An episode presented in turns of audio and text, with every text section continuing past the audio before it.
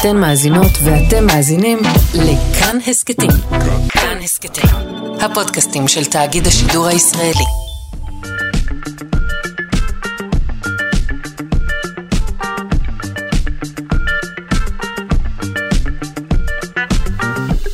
שלושה שיודעים. בוקר טוב לכם, מאזיני שלושה שיודעים כאן בכאן תרבות. היום בתוכנית, כמה זמן ייקח לכם להתרגל לעשות ספורט? איך תוציאו מהראש שיר שנתקע שם? ולמה אופניים אינם ידידותיים לסביבה, כמו שחשבתם? עורכת אלכס לויקר, מפיקה תמר בנימין, אל הביצוע הטכנית דימה קרנצוב. אני שרון קנטור, ואנחנו מתחילים עכשיו.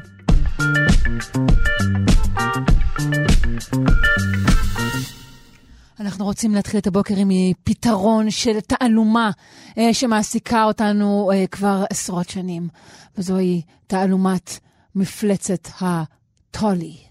ורד שפירא, ביולוגית למכון דוידסון, הזרוע החינוכית של מכון ויצמן למדע, בוקר טוב. בוקר טוב.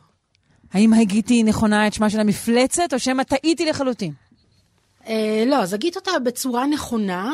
למעשה, אותה מפלצת, אני קוראת לה הטולי מונסטרום, קורא על שם אה, אה, החוקר שמצא אותה לראשונה, פרופסור טלי, או טולי, או טי, זה הגייה בריטית, אז את יכולה טולי, להגיד את זה. זה איך שאת. רוצה. טולי, טולי. אבל אנחנו נקרא לה הטולי מונסטרום, ומפלצת הטולי הזאת היא יצור כל כך מוזר וכל כך משונה, שלמעשה אנחנו עד היום, מאז שמצאו אותה בשנות החמישים של המאה הקודמת, אנחנו לא באמת בטוחים מה זה הדבר הזה. אמ, אז זה אנחנו, יצור- כמו כל דבר שאנחנו כן. לא מכירים, אנחנו פשוט קוראים לו מפלצת.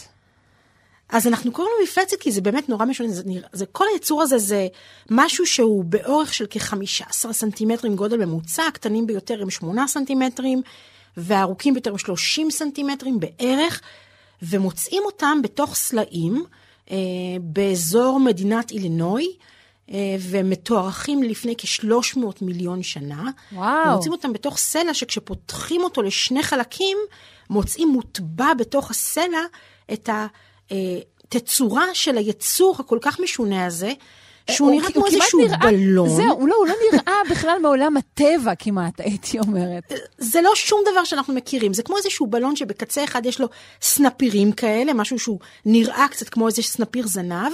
בחלק הקדמי יש לו, על הקצה של הבלון הזה יש שני גזעים כאלה שיוצאים לשני הצדדים, שני מחושים מעובים כאלה שבקצוות שלהם כנראה היו עיניים, ואז מהקצה יוצא עוד איזשהו חדק, שבקצה של החדק יש משהו שנפתח לפה, שנראה כמו מלטעות עם שיניים בתוכם.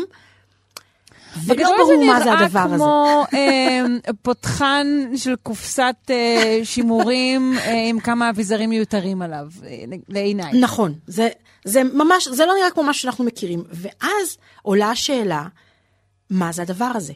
זאת אומרת, זה... והיו כל מיני השערות, כי זה, זה, התקופה היא תקופת הקרבון הפנסילבני, אנחנו קוראים לזה, כי יש שם המון מאובנים שנמצאו באותה תקופה באזור פנסילבניה, אז התקופה שהיו בה כל מיני דברים, היו שם כבר אה, רמזים ליצורים בעלי חוליות, היו עדיין יצורים חסרי חוליות, ואנחנו לא כל כך יודעים להגיד למה הטולי מונסטרום הזאת שייכת, אז היא קיבלה את השם מונסטרום. זה מפלצת טולי, כי זה באמת משהו שהוא נורא נורא נורא מוזר.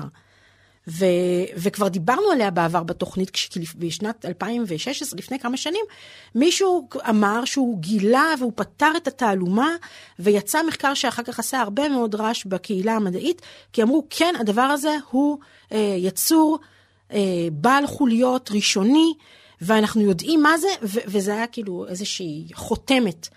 אבל לא, כי מאז יוצאים כל הזמן מחקרים שהולכים ובודקים ומגלים עוד איזשהו משהו קטן, וככל שהטכנולוגיה מתקדמת, פתאום מגלים עוד ועוד ועוד ממצאים, וכל פעם אנחנו זזים לצד אחר של ההחלטה.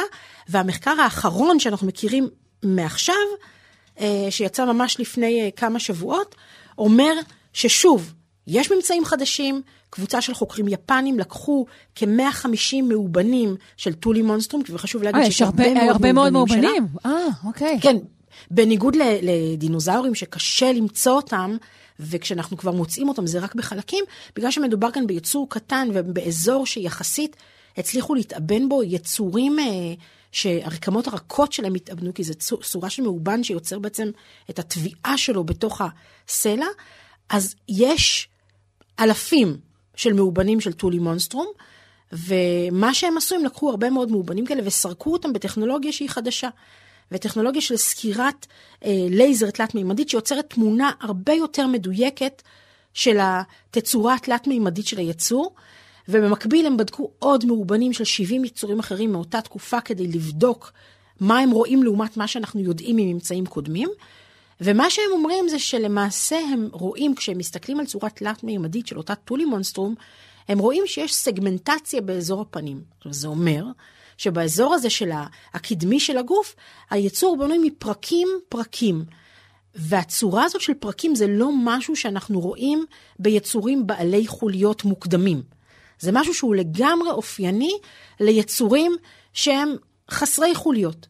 אז אנחנו עדיין לא יודעים איזה חסר חוליות, אבל האם במאבק הזה של חסר חוליות או בעל חוליות, רכיכה או איזשהו אה, בעל חוליות ראשוני, אנחנו בהחלט רואים כאן עכשיו אה, סטייה של ההחלטה לכיוון הרכיכות. אנחנו עדיין לא יודעים איזה. אז זה אומר שהוא כאילו, שוב, כמובן, אה, אה, בלי להעליב, הוא, הוא קצת פחות חשוב בסולם האבולוציוני? לגמרי לא. לגמרי לא, אבל שוב, לא, אנחנו לא עושים את זה כי אנחנו מחפשים איזושהי תשובה חד משמעית שתיתן לנו איזושהי אה, אה, הערה גדולה לגבי העתיד שלנו, אבל זה כן נותן לנו תמונה יותר שלמה לגבי העבר שלנו. עכשיו, גם חשוב להגיד שאותם פסים שעכשיו הולכים ובטכנולוגיה החדשה נראים לנו כמו משהו שהוא בהחלט הולך לכיוון אותם חסרי חוליות, אותם פסים, כשהסתכלו עליהם במאמרים קודמים, חשבו שאולי מדובר בפסים שהם אופייניים למבנה של שרירים. למשל, כשאת, כשאנחנו אוכלים דג, ואנחנו ככה אוכלים את הבשר שלו, נכון? זה עושה מין פסים כאלה. אחרי שמבשלים אותו, אחרי שהיצור כבר לא חי, ויש לנו היפרדות כזאת של הרקמות, אנחנו רואים ממש פלייקים כאלה, אפשר לחלק אותם למין שורות, שורות של שרירים על גבי היצור. וכשראו את הפסים האלה על גבי, המאוב... על גבי מאובנים של טולימנס, הם חשבו שאלה הפסים. אומרת, זה משהו שאופייני לבעלי חוליות, ובגלל זה אותם ממצאים שעכשיו מספרים לנו שמדובר בחסר חוליות, רימזו לנו לפני שהייתה לנו את הטכנולוגיה, שמדובר ביצור בעל חוליות. אז כל הזמן יש לנו mm. את המאבק הזה של, אנחנו רואים את אותו הדבר כל הזמן, אבל אנחנו משתמשים בכלים חדשים כדי לנסות לייצר מזה תמונה שהיא יותר אמיתית ויותר נאמנה למקור. אבל אין סיכוי שכשיתפתח המחקר, והוא יתפתח, אנחנו לא נוכל... אה, אה, לא לראות יותר את מה שראינו. כלומר, אנחנו מבינים שהוא לא יכול להיות בעל חוליות, וזה כבר לא ישתנה. אולי יתגלו דברים נוספים, אבל ככל הנראה כבר, זה כבר לא ישתנה. אני לא בטוחה, אני לגמרי לגמרי לא בטוחה, וזה מה שכל כך יפה. כי למעשה אנחנו משתמשים בכלים חדשים על אותם ממצאים במשך הרבה מאוד שנים, אבל אנחנו למעשה רואים תמונות שהן קצת אחרות, ויכול להיות שבהמשך נוכל לייצר תמונה עוד יותר מדויקת. נוכל לדעת אולי באיזה צבע היא הייתה, ונוכל לגלות סוף סוף נכון. איך היא שחתה, כי גם זה לא חד משמעי, אנחנו לא לגמרי בטוחים אם היא שחתה כשהעיניים האלה נמצאות בחלק התחתון, או העיניים נמצאות בחלק העליון, ויש כל מיני דגמים וכל מיני השערות, וההשערות האלה תמיד מתבססות על מה שאנחנו מכירים מהחיים שלנו מעכשיו. אנחנו מסתכלים על יצורים, רואים איך הם שחו, אפשר לעשות לזה איזה שהן הדמיות תלת מימד, ואפשר לעשות מודלים ממוחשבים. ולהעריך איך היא יכולה הייתה לשחות, או איך היא הייתה צריכה לשחות כדי שיהיה לזה איזשהו יתרון, שזה יהיה יותר יעיל מבחינה אנרגטית, אבל אנחנו לא, אף פעם לא נהיה בטוחים עד הסוף שזה באמת מה שהיה שם. אמרת צבע, אז בעצם כל כן. ההדמיות כן. שאני רואה כרגע נגד עיניי, שהן כולן אפורות בעצם, או סוג מסוים של משהו חסר צבע יחסית. כן, נכון. אולי הן מוטעות? ייתכן שהיה מדובר ביצור צבעוני? או ש... או ש... קרוב לוודאי. כן? קרוב לוודאי שהן מוטעות, כי אנחנו לא באמת יודעים. לי במשרד יש דגם של טולי מונסטרום, צהובה ירוקה עם עיניים אדומות, שזה נורא נורא יפה, אבל אלה כנראה לא הצבעים המקוריים של אותה טולי מונסטרום. עכשיו, היו לה, היו לה מבנים שבקצה שלהם אנחנו משערים שהיו עיניים. כלומר, אם היא ראתה, אז לצבע יש פתאום משמעות בתקשורת בין mm. אה, פרטים שונים, אולי כנגד טורפים. אנחנו לא באמת יודעים, ושוב, אנחנו עושים את ההשערות האלה על סמך מה שאנחנו מכירים מהחיים שלנו היום, על סמך יצורים שאנחנו מכירים. אנחנו מכירים רכיכות שיש להם צבעים וגם יכולות להחליף את היצורים שיכולים להחליף את הצבע שלהם על סמך אה, תחושה או על סמך המקום שבו הם נמצאים, אנחנו לא יודעים. זאת התשובה הכי מרתקת שאני יכולה אה, לתת לכם. אה, טוב, שמחנו לאותה הצצה קטנה על הנוף של משרדך, ורד. כן. וה... האביזרים המצויים בו. תודה רבה לך, ורד שפירא, ביולוגית המכון דוידסון, הזרוע החינוכית של מכון ויצמן למדע. תודה לכם.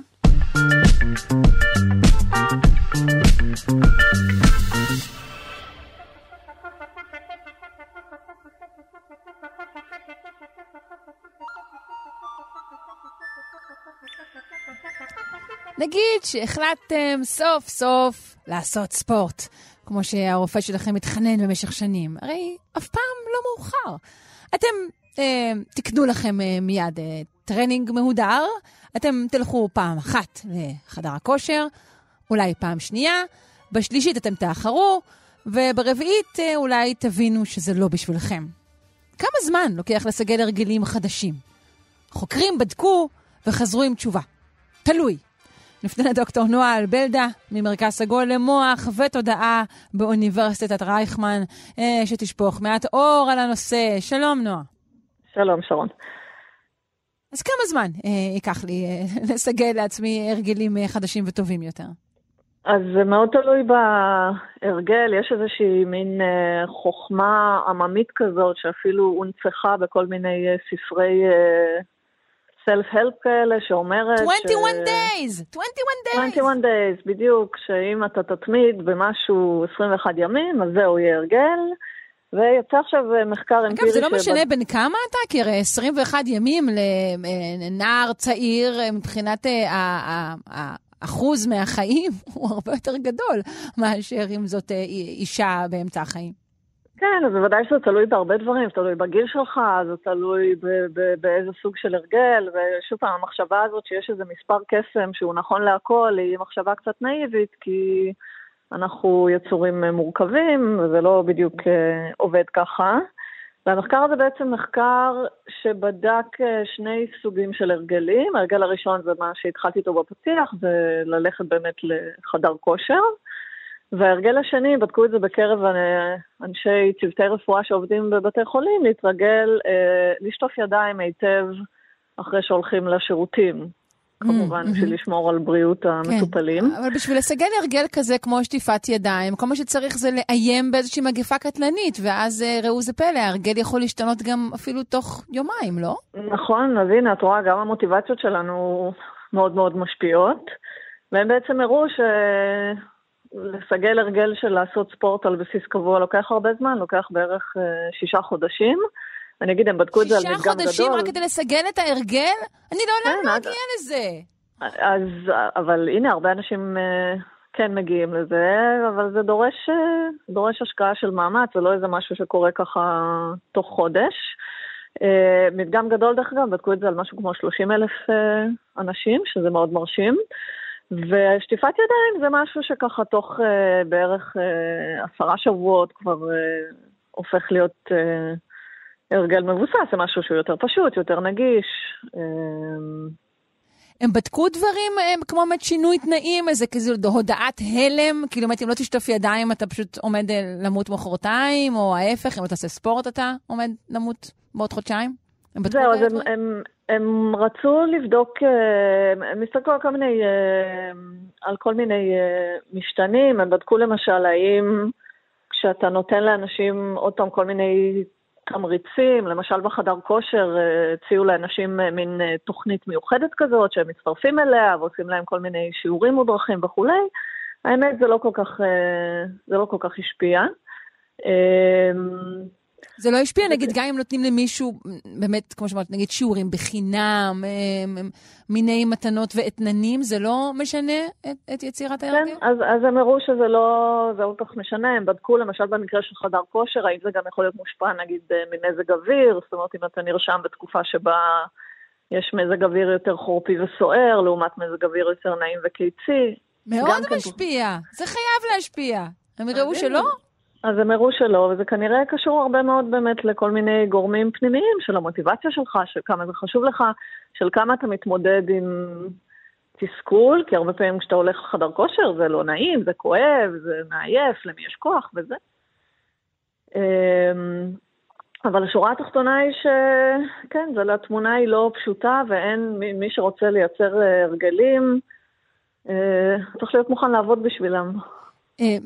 אה, איך בכלל הם, הם בדקו? הם, זה שאלונים או שהם ניטרו את זה באופן אחר? הם בעצם ניטרו את זה עם איזשהו אלגוריתם של אינטליגנציה מלאכותית, הם פנו ב- ב- ב- במקרה של חדר הכושר, הם עשו שיתוף פעולה עם איזושהי רשת מאוד מאוד גדולה של חדרי כושר בארצות הברית, לקחו נתונים ממשהו כמו, מאנשים שנרשמו במשך משהו כמו 14 שנים, זאת אומרת, זה לא שהמחקר ארך 14 שנים, אלא הם הלכו אחורה 14 שנים בנתונים.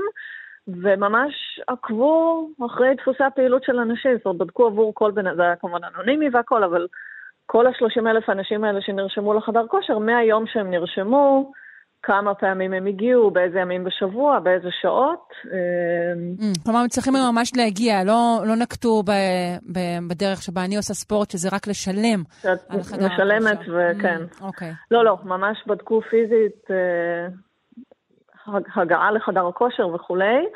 ובשטיפת ידיים גם הם עשו שיתוף פעולה עם מרכזים רפואיים, שהייתה שם מין מערכת חכמה כזאת, שהמטרה שלה הייתה באמת לנטר שעובדים שוטפים ידיים, אז כל פעם שאתה נכנס לשירותים, אתה כנראה מתקרב לברז, ואתה צריך להעביר את הטאג שלך או משהו כזה, כדי שידעו mm. ששטפת ידיים. נחמד.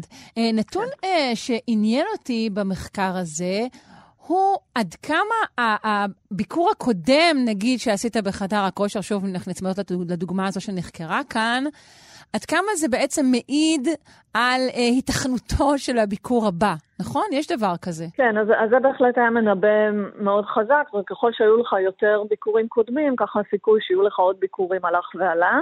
ודרך אגב, גם מבחינת ימים ושעות, ככל שהייתה לך שגרה יותר קבועה, זאת אומרת, כל פעם ביום שני ושלישי אתה מגיע בשעות האלה והאלה, ככל שהצלחת לבסס איזושהי שגרה קבועה, ככה הסיכוי שהשגרה הזאת uh, תמשיך, הלך ועלה. Uh, וזה אולי באמת איזשהו מסר חשוב מהמחקר הזה, שאם אתה רוצה לבסס הרגלים, אתה צריך ממש להכניס את זה... צריך לבסס הרגלים.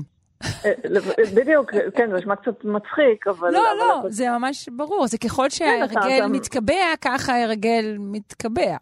כן, אז למשל שאני נרשם לחדר כושר, במקום להגיד, טוב, אני אלך שלוש פעמים בשבוע, תגיד לעצמך, אני מפנה לי באופן קבוע את ימים ראשון, שלישי וחמישי, בשעות האלה והאלה, אתה מכניס את זה ממש לתוך שגרת היום, ואז הסיכוי להתמיד הוא הרבה יותר גבוה. אנחנו מכונות שיכולות לייצר לעצמן uh, התניות באופן הזה. נכון. פשוט נרגיש את הדגדוג הזה, זה... הנה מגיע יום שני בארבע אחר הצהריים, זאת השעה שלי, אני חייב ללכת. נכון, וזה מסר חשוב, דרך אגב, המוח שלנו מאוד אוהב לעבוד על התניות, אה, וזה כלי... כלי מאוד עוצמתי, כשרוצים לבסס הרגלים טובים, זהו, אני... באמת... טוב. שאמרת הרגלים טובים, אני תוהה אם יש מחקר על אה, ביסוס של הרגלים רעים.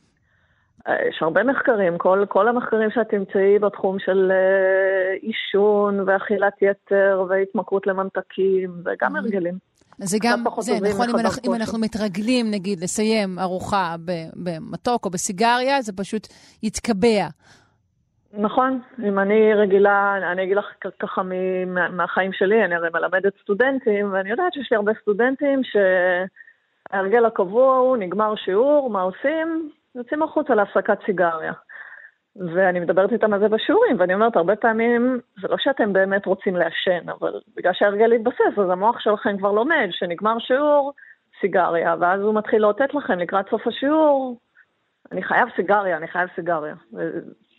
דברים ששווה לשים לב. דווקא במקרים של הרגלים רעים, אה, שווה נגיד לשבור את, ה, את שגרת הזמנים למשל, דברים כאלה, כדי, כדי אה, לרסק הרגלים אולי. כן, לשבור את שגרת הזמנים, או להחליף את הפעולה הזאת בפעולה אחרת. למשל, mm-hmm. במקום אחרי שיעור אני חייב סיגריה, אני יכול להגיד לגלול בפיד, למשל. לא יודעת, כוס קפה, או יוצא לסיבוב בקמפוס, mm-hmm. מה שזה לא יהיה. יפה. דוקטור נועה אלבלדה, ממרכז סגול למוח ותודעה באוניברסיטת רייכמן. אה, מאחלת לך אה, הרבה ספורט ורחיצת ידיים. תודה רבה.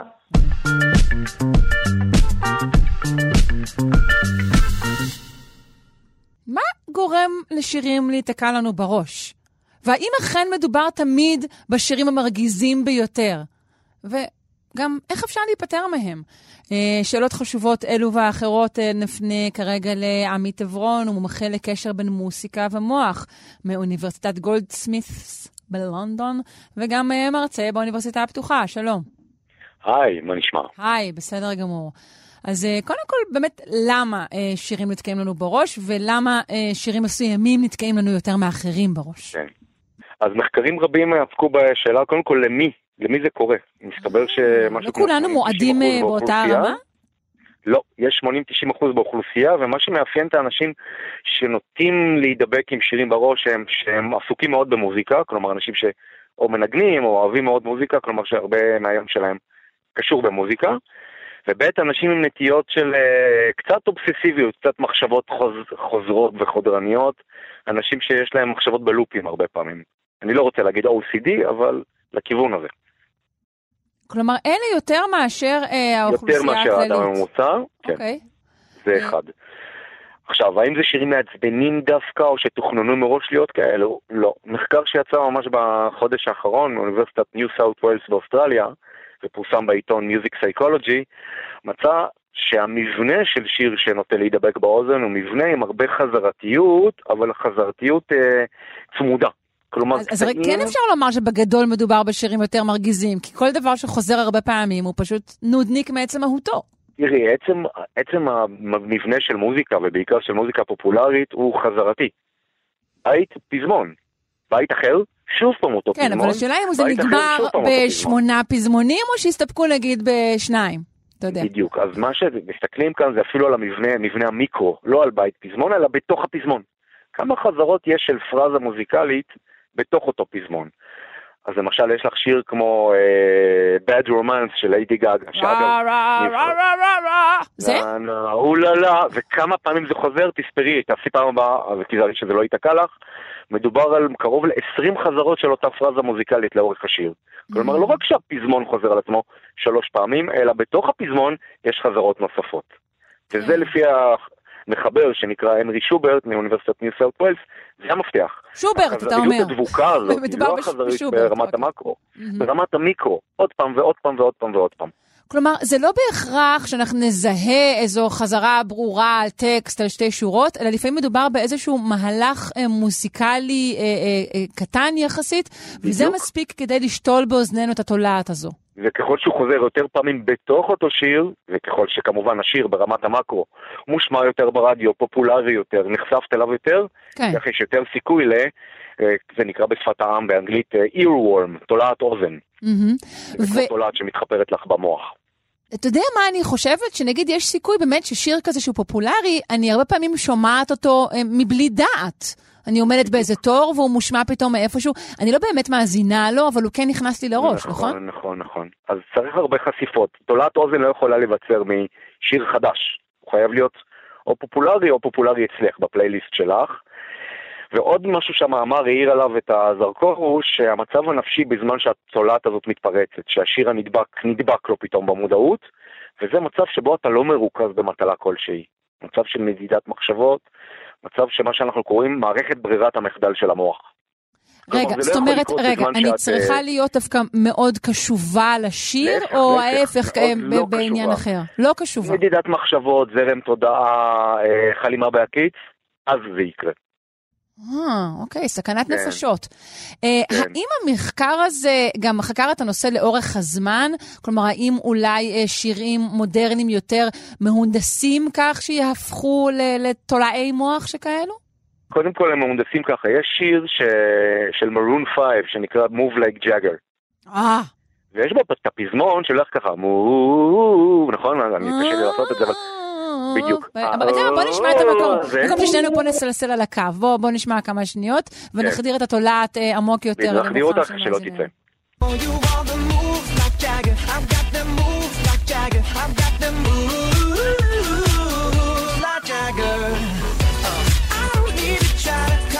ושוב חזרה בתוך הפזמון. כן.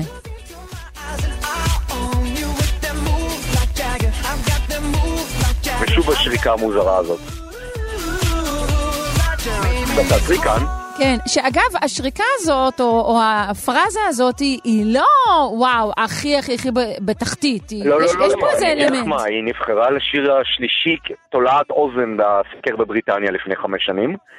והפואנטה כאן זה שבתחילת השיר יש רק את השריקה הזאת שמונה פעמים, ספרתי אתמול. שמונה פעמים במכוון, טה לה לה לה לה לה לה לה, טה לה לה לה לה לה לה לה. בכוונה הם עושים את זה. טוב, אבל זה כן, זה כמו, זה כמו טכנולוגיות של. היפנוזה, שאומרים לך בהתחלה, כשתשמע כך וכך, זה, כן. זה ייכנס לך לראש, נכניס לך למצב כזה או אחר. אבל השאלה אם יש גם מבנים בשיר מוזיק... הזה קרוב ל-20 פעם. השאלה אם יש גם מבנים מוזיקליים ספציפיים שהם אה, כן. נחרטים אצלנו ביתר קלות מאשר מבנים אחרים, מרווחים מסוימים, מרווחים טונאליים כאלו או במאמר אחרים. ב-2017, כשבדקו 2,000 אה, מאזינים באנגליה ובארצות הברית, ושאלו אותם מה תולעי האוזן שלהם, או מה השירים שנדבקים אליהם, וניסו לנתח אותם מבחינה מוזיקלית, אז ראו קודם כל הם שירים קצביים יחסית, מהירים מהממוצע, מז'וריים, כלומר שמחים, Mm, ויש בהם הפרזה החוזרת, ההוק הזה, הפואנטה הזאתי, היא קצת מוזרה. הצלילים הם קצת לא שגרתיים, מרווחים גדולים מהממוצע, עליות וירידות פתאומיות. אז באמת like jagger הזה, או ה-אוללה רע רע רע של ליידי גאגה בשיר הזה. נכון, שהוא באמת מוזר. כלומר, זה צריך להיות שילוב מיקס נכון של שני התבלינים. מצד אחד הרבה חזרתיות, מצד שני הנושא הזה שנדבק, צריך להיות טיפה מוזר, טיפה חריג, טיפה בוא נשמע את הליידי לא גאגה שגרתי. הזה שנייה, חברים. אפשר?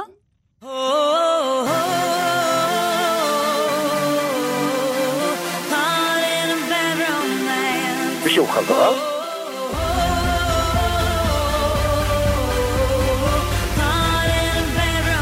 והפרזה המוזרה עכשיו.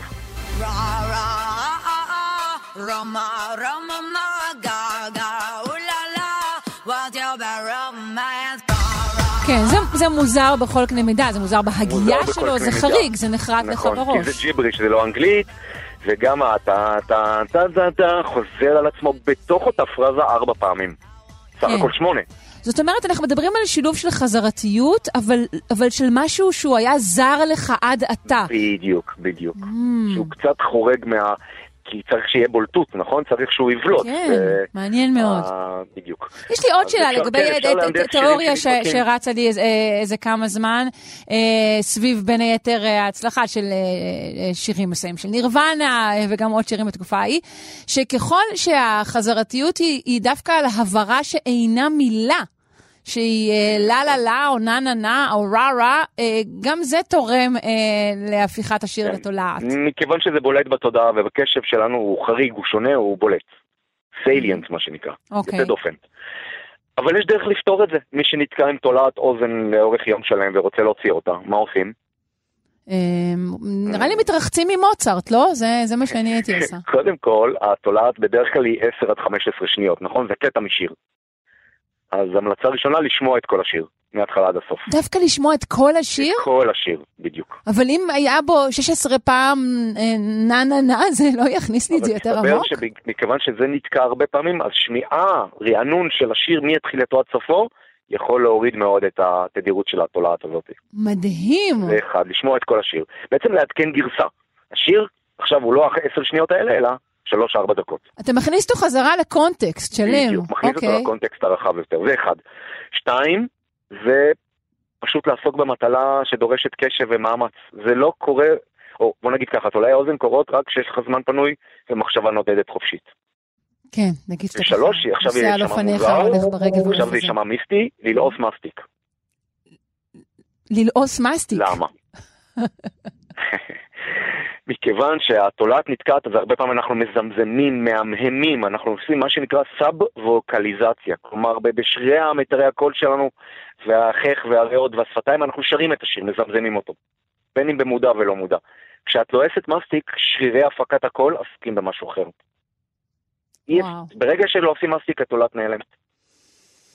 בסדר, אני אנסה את זה הפעם הבאה. אה, תופעה שלא נדרשנו אליה, וגם היא תופעה פלאית, היא כיצד שני אנשים נתקעת להם תולעת באוזן על אותו השיר, ואז הם גם שולפים את ההמהום אחרי דקות של שתיקה, בדיוק באותו הרגע. אם אתה מכיר את התופעה הזו. אה, אני פחות מכיר, אבל זה נראה לי הגיוני שבדרך כלל זה בטח יהיה שיר ששני אנשים מכירים ונחשפו אליו לא, הרבה. ברור, אבל באמת הספירה הפנימית של שניהם כאילו עברה דקה, בעצם כאילו בראש רץ השיר, כן, וזה נשקף כן. באותו כי זה הרגע. התכונה, החזרתיות הזאת, שהיא בעצם, כמו שאמרנו, גם ברמת המקרו של השיר, בית ופזמון, וגם ברמת המיקרו. המון המון חזרות של צליל שהוא קצת חריג ולא שגרתי, כן. ומן הסתם אותם שני אנשים חוו את אותו דבר.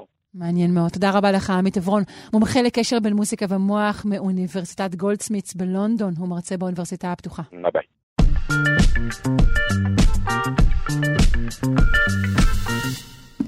ניתוח נתונים של עשרות אלפי אנשים אה, שופך אור על הצלחה, או אי הצלחה, של תחום הדיאטות. האם שינוי הרגלי תזונה מספיק כדי לרדת במשקל אה, באופן בו האנשים מקווים לעשות זאת? נפנה לדוקטור עירית הוכברג, ממלאת מקום מנהל מכון אנדוקרינולוגיה, סוכרת ומטאבוליזם במרכז הרפואי רמב"ם. שלום. שלום, שרון. שלום.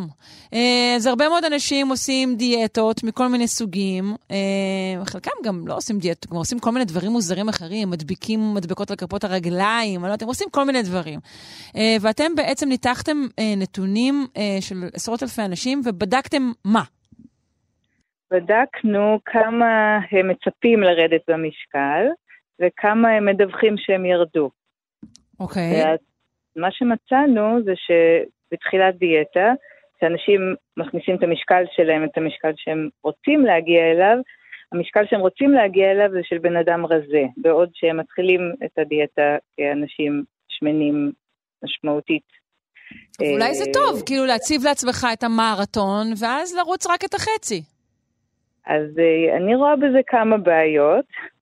אה, קודם כל, אה, אם מישהו מצפה לרדת אה, 30 קילו ויורד עשרה, הוא עשוי אה, להרגיש אה, תחושת כישלון, תחושה שהוא לא השיג את המטרה, ועשרה קילו זה מצוין לרדת ו-30 קילו זה לא ריאלי, אז הבעיה היא הציפייה שנראית לי אה, עשויה להביא לאכזבה ואולי אפילו נטישת הדיאטה ועלייה חזרה במשקל.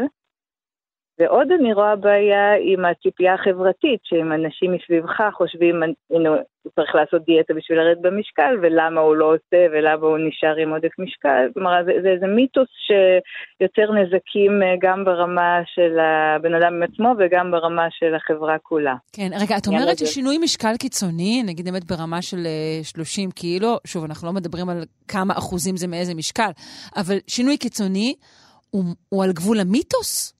זה כמעט לא הוא- קורה? זה כמעט לא קורה. באמצעות דיאטה. יש שיטות אה, אגרסיביות יותר של תרופות וניתוחים, שזה קורה לפעמים. אבל באמצעות דיאטה זה כמעט לא קורה? זה קורה, זה אה, קורה רק באינטרנט? רק בתמונות שלפני ואחרי? אני מזועזעת. יש, יש שני דברים. קודם כל, קורה שאנשים יורדים מאוד דרסטית, אבל הם כמעט תמיד יעלו חזרה, וזה לא נחשבת ירידה, זה נחשב אה, פינג פונג שהוא ממש לא בריא. אה, הפינג פונג מהאנשים רגע, רגע, רגע, רגע. אה, את אומרת משהו הפינג פונג חשוב. שלעצמו הוא מזיק, כן. זאת אומרת, לא כדאי אפילו להיות קצת יותר חטוב או חטובה, נגיד רק לתקופת הקיץ? כדאי להיות קצת יותר חטוב לאורך זמן, אם עושים שינוי, הוא צריך להיות כזה שאפשר להמשיך ולהתמיד איתו המ. אה, לשנים, ולא הדיאטות הלא אחראיות. מדוע הפינג פונג לא לקראת- בריא? למה הוא לא בריא? הוא מזיק לבריאות. אחד הדברים שגורם הפינג פונג זה שיורדים ואז עולים יותר ממה שלמשקל המקורי. כי יש אה, האטה של החילוף חומרים, והגוף נעשה חסכוני יותר, ואז אפילו אם חוזרים לדיאטה הקודמת מתוך מחשבה לא נגרם נזק, אז אתה בעצם אה, עכשיו צובר עוד, והרבה מהאנשים מעודף משקל המשמעותי, הסיבה היא שהם ירדו ואז עלו, ירדו ושוב עלו יותר, והם לאט לאט מטפסים מדרגות ומגיעים למשקלים אה, אה, יותר ויותר גרועים. כלומר, לשמור על משקל עם עודף קל הוא הרבה יותר בריא מאשר לרדת לעלות. כלומר, אנחנו בעצם הגענו אולי ללב העניין, שהסיבה לכך ש, שדיאטות אולי לא עובדות, או לפחות אחת הסיבות, היא שבעצם כשאנחנו יורדים במשקל, אז הגוף שלנו מתרגל אה, לפרק פחות חומרים, או פחות, אה, או פחות שומנים וסוכרים לצורך העניין, ואז כשהוא פוגש בהם שוב, הוא לא יודע מה לעשות? הוא יודע מה לעשות, הוא אומר, אני מפחד ששוב יהיה מחסור, נכון? המטרה האבולוציונית של המנגנון הזה הוא להגן עלינו, כי עכשיו יש מחסור. במקור לא היה לנו אוכל מסביב לשנה, מסביב לכל החיים, היו תקופות שהיו אה, שנים עם אה, בצורת, או שנים עם, אה, עם סיבות אחרות שלאנשים לא היה מה לאכול, ואז ההגירה הזאת, ההאטה של חילוף החומרים הצילה אותם. אנחנו היום במצב שאין לנו סיטואציה כזאת ואנחנו כל הזמן אוכלים. אז זה, זה מנגנון שנועד להגן עלינו, אבל בעצם כרגע עם העודף אוכל שיש לנו, הוא מפריע לנו לרדת במשקל. הבנתי. אז אנשים שאומרים לעצמם, אוקיי, אני אעשה נגיד עכשיו לכמה חודשים צום לסירוגין או משהו כזה, את אומרת, לא כדאי? לא כדאי, כדאי לחשוב על משהו שהוא, אה, נגיד, בר... אה, בר קיימא. השגה ובר קיימא, כן, בר קיימא זה הנקודה. לא, כל דבר שהוא משוגע מדי וסבל מדי, נשים לא יעמדו בו לאורך זמן. Hmm. בעצם, אה, בואי נודה על, ה, על העובדה, אה, אנחנו, לפחות אתם אנשי הרפואה, יודעים את זה כבר די הרבה זמן, נכון? שדיאטות לא עובדות. נכון, דיאטות עובדות, הן לא לא עובדות, אבל הן עובדות הרבה פחות ממה שאנשים להם. כן. בדיוק. אנשים מצפים, כמו שאני אמרתי, מה שראינו במחקר הזה, אנשים ציפו לרדת נגיד ממוצע 35 קילו, ובממוצע הם ירדו 10 או 14 קילו, תלוי באיזה מהקבוצות. וצריך לזכור כמובן שיש את אלה שלא דיווחו, אנחנו מסתכלים רק על נתונים שאנשים יזמו לדווח. יכול להיות שמישהו שירד רק 2 קילו לא טרח לחזור לדווח כי הוא התבייש או הרגיש אכזבה. Oh. אז הדבר הזה אולי גם קצת אה, הערכת יתר, המספר הזה שאמרתי. אז האנשים שמצפים לרדת 35 קילו, אה, הם בסופו של דבר אה, כמעט תמיד יתאכזבו. זה, זה לא בלתי אפשרי, אבל uh, מאוד מאוד נדיר שמישהו מצליח לרדת כל כך הרבה ולשמור על זה לאורך זמן. במחקר שלכם, כלומר, אנשים גם דיווחו על רגש האכזבה? זה היה חלק מהמחקר? לא, אנחנו יכולים לראות את uh, הנטישה של הדיווח בתור uh, אולי סימן שהם נטשו את הדיאטה, נטשו את הקבוצה. המחקר נעשה על פורומים שאנשים מדווחים על הדיאטה שלהם ועל המשקל שלהם ועוזרים אחד לשני. Mm, ומישהו שאולי לא יורד, אולי הוא מפסיק להשתתף, וההתלהבות שלו מהדיאטה ומהפורום אה, כמובן לא יכולה להישמר. כן. אז אם אנחנו מסכמים את שיחתנו, אחד, אה, עודף משקל קל הוא עדיף אולי מאשר אה, מאבק סיזיפי אה, באותו עודף משקל. אפשר להגיד דבר כזה? אה, עודף משקל קל דגש על אה, תזונה בריאה ופעילות גופנית, mm. אה, ולהוריד את האיסורים, כן. הבנתי. בסדר גמור, אפשר להגיד שזו שיחה אופטימית בסך הכל. דוקטור עידית הוכברג, ממלאת מקום מנהל מכון אנדוקרינולוגיה, סוכרת ומטאבוליזם במרכז הרפואי רמב"ם, אני מודה לך מאוד. תודה.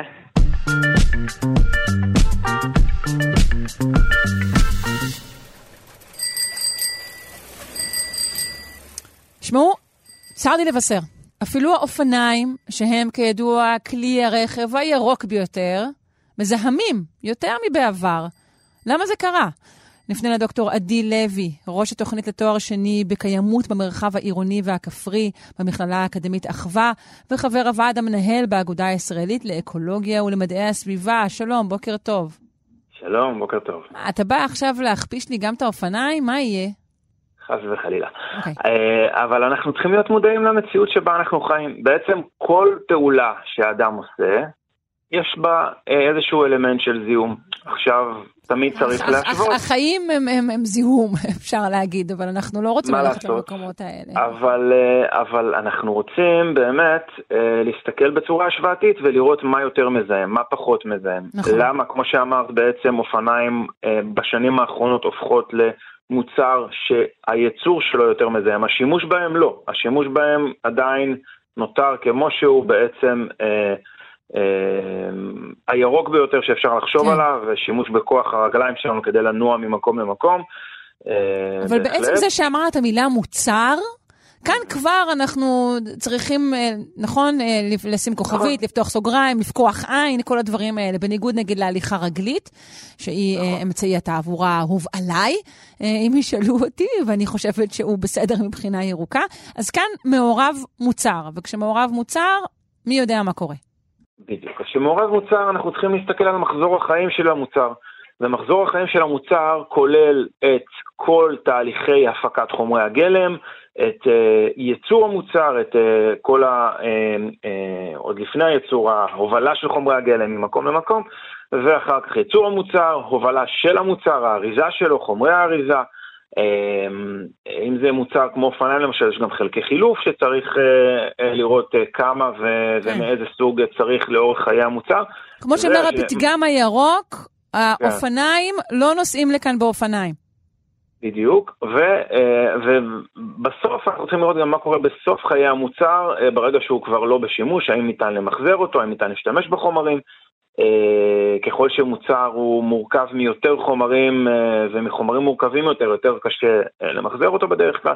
בקיצור, אנחנו צריכים להסתכל על מחזור החיים המלא של מוצרים כדי להשוות ביניהם ולהבין איזה חלופה היא טובה יותר. יפה. אז מראש נגיד שאופניים זה מוצר מצוין, בטח ביחס לרכב.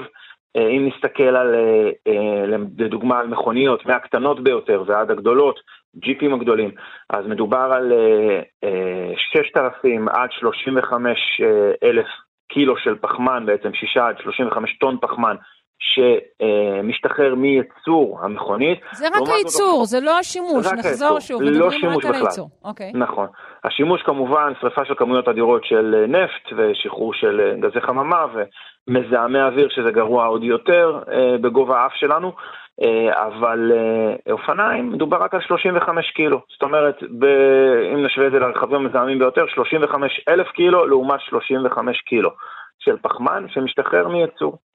אה, כך שתהליך הייצור לעומת מכוניות, אין ספק שאופניים הם ירוקים בהרבה, גם בתהליך הייצור, לעומת כל סוג של רכב ש, שרק נחשוב עליו. Mm-hmm. אבל מה שקרה, אה, אם בשנות ה-80, ואני זוכר את זה כי היו לי אופניים כאלה שעשויים מפלדה, וחומר מאוד עמיד, מאוד חזק, ניתן לתיקון, פעם אפילו נשברה לי ההלחמה של הכידון, וזה הולחם מחדש והחזיק עוד שנים רבות.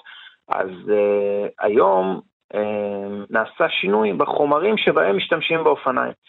אה, אם זה מתוך רצון להפוך את האופניים לקלים יותר, אבל אם זה גם מסיבות אחרות. ושימוש למשל באלומיניום, בפלדת תלחלת, בטיטניום, בסטיבי פחמן ובשילוב של כל אלה ביחד, כבר מעלה את טביעת הרגל הפחמנית מ-35 קילו לסדר גודל של 212 קילו.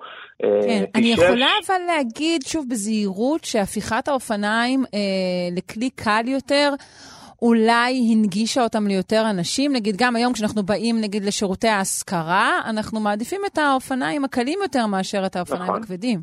יכול מאוד להיות שזה נכון, כן. ו, ואם נסתכל למשל על שילוב של אלומיניום וקרבון, אז זה כבר, שהמזלג מקרבון, אז זה כבר פי, פי 14 יותר מ... אה, מאופניים מפלדת, אה, מפלדה אה, של פעם. יותר מזהם, ו- אתה מתכוון? יותר, יותר פחמן, כן, יותר פחמן, של יותר אוקיי. פחמן, יותר קילוגרם CO2, אבל זה, זה אלמנט אחד רק, ו- ופה באמת אנחנו צריכים גם לחשוב על השימושיות, זאת אומרת, אם יהיו לנו אופניים סופר כבדים שלא נשתמש בהם לעולם, לא עשינו כלום. אם יש לנו אופניים קלים יותר שפלטו קצת יותר, או אפילו פי עשר יותר פחמן בייצור שלהם, אנחנו נשתמש בהם יום-יום, מן הסתם האפקט הוא, הוא משמעותי כן, יותר, כי לא היום-יום שלנו הוא יותר מורכב, זה לא כמו, אתה יודע, האופניים שרק היו נשענו לצד הבית ונסענו בהם הלוך וחזור. היום אנשים גם לוקחים את האופניים איתם, אני לא יודעת, לרכבת, לכל מיני מקומות, אז השימוש ישתנה. לגמרי, אבל הבעיה היותר גדולה, שהיא לא רק באופניים, היא כמעט בכל מוצר שמיוצר היום.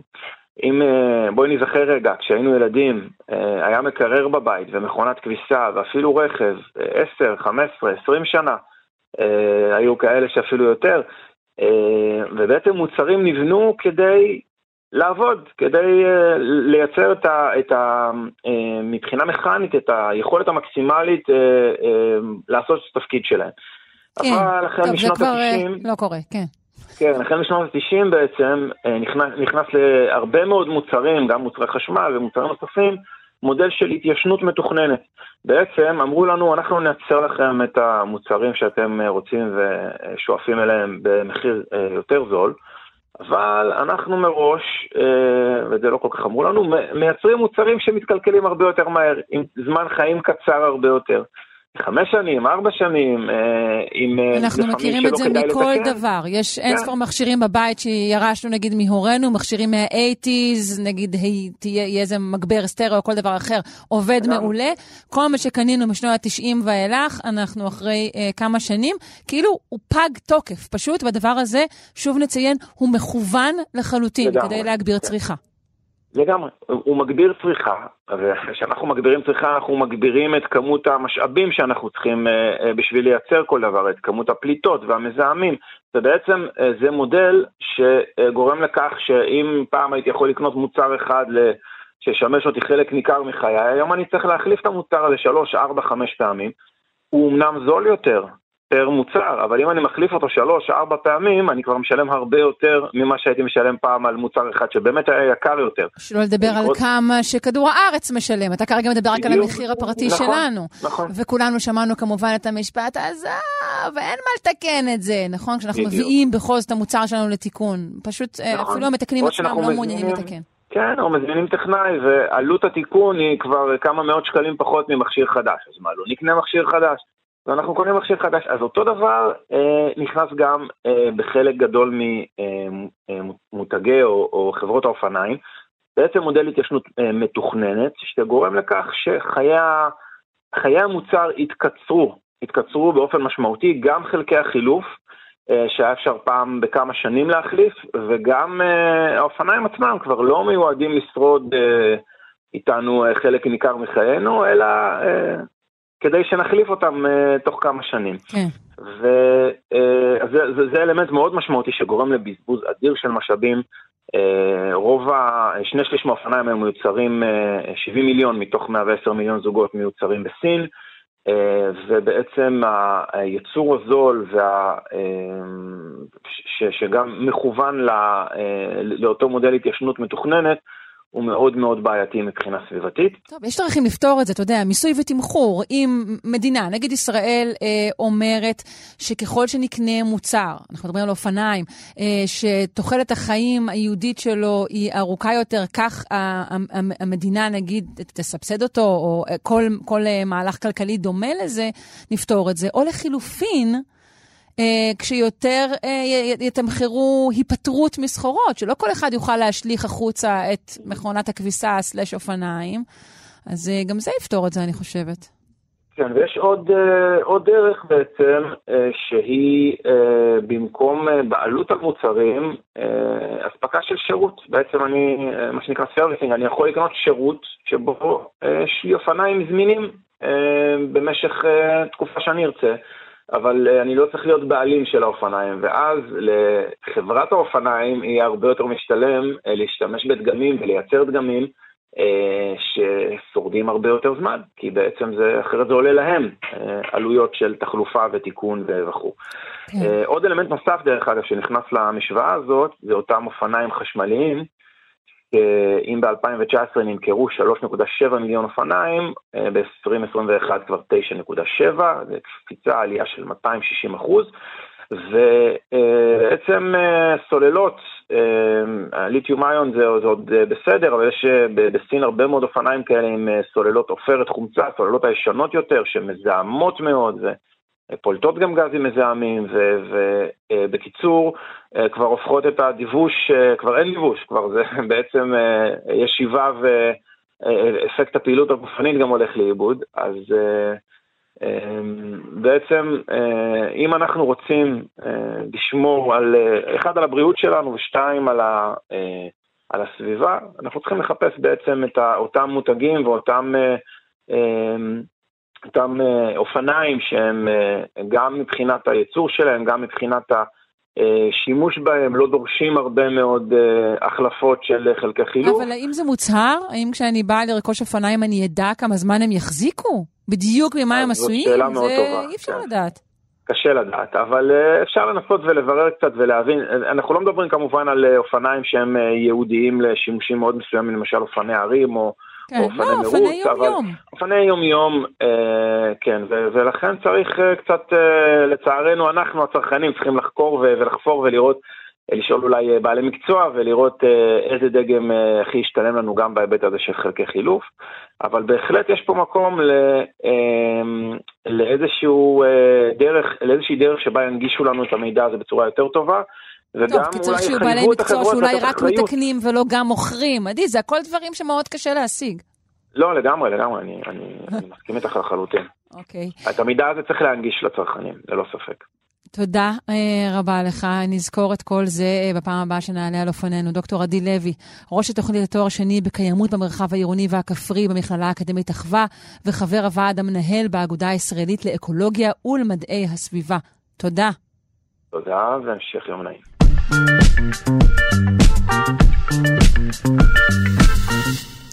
בשבוע שעבר סגרה גרמניה את שלוש תחנות הכוח הגרעיניות האחרונות אה, שהיו בשטחה.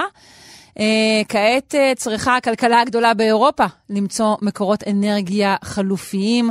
נשמע על כך מהדוקטור נעמה חרית יערי, פיזיקאית במכון דוידסון, הזרוע החינוכית של מכון ויצמן למדע. שלום. בוקר טוב. בוקר אור. למה גרמניה סגרה את תחנות הכוח הגרעיניות שלה? אז האמת שלמרות החלומות העתידניים שלנו, אנרגיה גרעינית אה, פשוט לא אוהבים אותה, זאת התשובה. היא סובלת מיחסי ציבור גרועים של פוליטיקאים, שבסוגריים אני אגיע שאולי הגיע הזמן שיתחלפו. אני שומעת בין לבין שאת דווקא אה, אה, מחבבת אה, אנרגיה גרעינית, לא יודעת אם מחבבת את המילה כן. הנכונה, אבל מאמינה כן. אה, אה, ביכולותיה אה, וביעילותה. נכון, אני חושבת שאנחנו צריכים להסתכל על כלל התמונה, אה, להסתכל על הדברים, להסתכל ממש על בעד ונגד.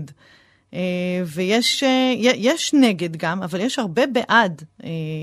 אנרגיה גרעינית, ואני חושבת שאין ברירה. זאת אומרת, אנחנו צריכים אה, פתרון אנרגטי הרבה יותר נקי, הרבה יותר יעיל, כי התחממות גלובלית זה אישו רציני כבר, עם אה, סיכונים שגם אותם אנחנו צריכים לקחת. אה, אה, בחשבון. כן, הסיכונים הם מכל כיוון. אנחנו לא יכולים, בדיוק. ו- ופשוט אי אפשר להמשיך ולהסתמך על התהליך הזה הכל כך לא יעיל, אה, של ייצור אנרגיה בשימוש בדלקים פוסיליים. זה פשוט לא יעיל, אה, עם הרבה תופעות שיש לנו, ש, שיש להן משמעויות גם כלכליות, אה, גם חברתיות, והדרישה לאנרגיה היא רק הולכת וגדולה. כן, אולי צריך לטפל בדרישה הזאת, אבל אנחנו לא, לא נפתור את הנושא הזה בשיחה הזו, אני חוששת.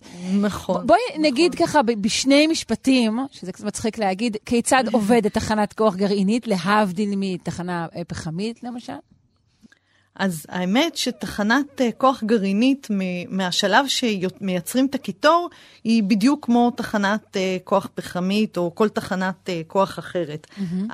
באמת הדבר שמבדיל תחנת כוח פחמית מתחנת, למשל, מתחנת כוח גרעינית, זה איך אנחנו מחממים, מה, המקור, מה הדלק שלנו. ובאמת תחנת כוח גרעינית אה, משתמשת או מנצלת את האנרגיה העצומה שטמונה בתוך גרעין האטום כדי אה, בעצם לייצר אנרגיה ולחמם מים, לייצר קיטור ולסובב את הטורבינה. עכשיו, בעד השימוש בדלק הזה, יש המון בעד. אה, אחד זה שפעם אחת שאנחנו בנינו תחנת כוח גרעינית, אין לנו בכלל פליטות מזהמות. אין תחמוצות גופרית, אין פליטה של CO2, אין כלום. אה, דבר שני, תחנת כוח גרעינית פועלת רציף. אה, אנחנו מחליפים את הדלק פעם בשנה וחצי, אפילו שנתיים. יש לנו שנתיים, נגיד, בין תדלוקים, בעוד שתחשבי על תחנת כוח כמו חדרה, או תחנת כוח קונבנציונלית, היא שורפת דלק כל הזמן. אה, גם פחם, גם גז, גם דלק, זה שריפה אה, מתמשכת של, אה, של דלקים. כן, אבל, אבל גרעינית... כן יש להגיד ש, שבנייה של תחנת דלק גרעינית היא, היא חתיכת עניין אה, נכון. אנרגיה, נכון? זה מאוד, זה מאוד יקר לבנות תחנת כוח גרעינית, זה לוקח המון המון זמן לבנות תחנת כוח גרעינית. אה, תאונות, למרות שהן מאוד נדירות, מאוד מאוד נדירות, הן מאוד יקרות. אה, זה עלות שהקהילה לא תמיד מוכנה לסכן. את יודעת, זה... אה, עכשיו, תאונות זה לא רק כסף, זה גם חיים. כן, זהו, עלות הרבה בחיי אדם. נכון, צ'רנוביל, האנשים שמתו ישירות מהתאונה, זה בערך 60, אבל אה, מאוד קשה לדעת כמה אנשים, הערכות, אה, נגיד אה, אה, ארגון הבריאות, העולמי אומר ש-4,000 איש בערך מתו מצ'רנוביל בהמשך, אבל יש מדענים שמדברים אפילו על 60 אלף. אה, אה, קורבנות, נאמר, בנשף. וזה בנפש, אבל יש גם אה, עוד קורבנות אה, בטבע. אז שוב, אז אתה יכול להסתכל על זה כעלות. זאת אומרת, תאונה יקרה כי אתה מנקה, נאמר, את, את, את, את, את, מה, את מה שהזדהם. אבל מצד שני, תחנת כוח גרעינית יכולה לעבוד בכל מקום על פני כדור הארץ, במקומות שאין להם אנרגיה, היא יכולה לתת לנו אנרגיה במקומות ש...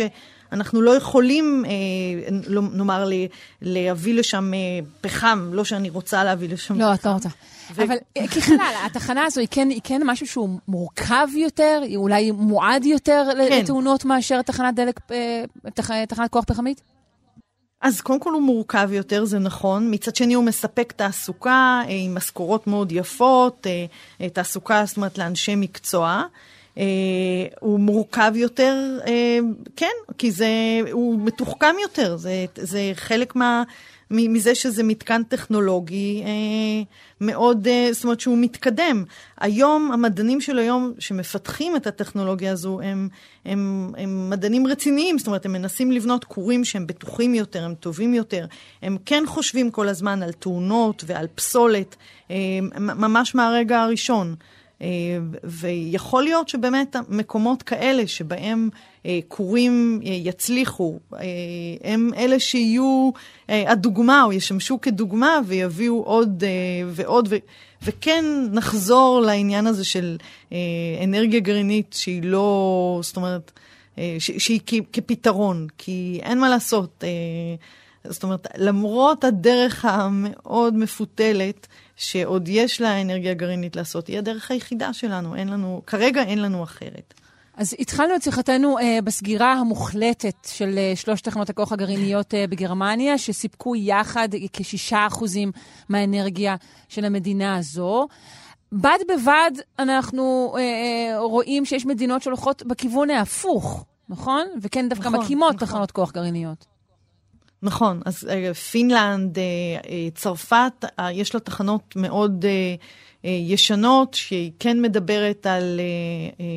באיזשהו שלב, אגב, הם נסגרו גם שם התחנות הכוח הגרעיניות, אבל עכשיו יש שם כן איזושהי פריחה. במיוחד לאור המצב בין אוקראינה לרוסיה, וכן רצון של מדינות לשמור על עצמאות אנרגטית. אז, אז בהחלט אה, יש כן מאידך פריחה. אגב, גם בגרמניה יש אה, מתנגדים מאוד רבים לסגירה של התחנות כוח האלה, למרות שזו החלטה שנלקחה עוד אחרי פוקושימה. אה, כאילו, שמן הרע של התחנות נובע בעיקר, את חושבת, מהאסונות אה, אה, שקרו, שבאמת היו מעטים אבל קשים, או שיש כאן עוד עניינים?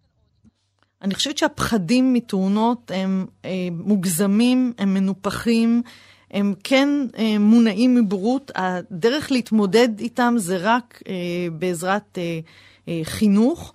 ואני חושבת, אגב, אה, אה, יש איזה עיתונאי שאמר פעם משפט שאני נורא אוהבת לצטט. הוא אמר שככל שהוא מבין יותר על אה, אנרגיה שהמקור שלה בשריפה של דלקים, דלקים פוסיליים, הוא יותר ויותר מפחד משימוש בדלקים פוסיליים, וככל שהוא מבין יותר ויותר על מה עומד מאחורי שימוש באנרגיה גרעינית, הוא פחות ופחות מפחד משימוש באנרגיה גרעינית.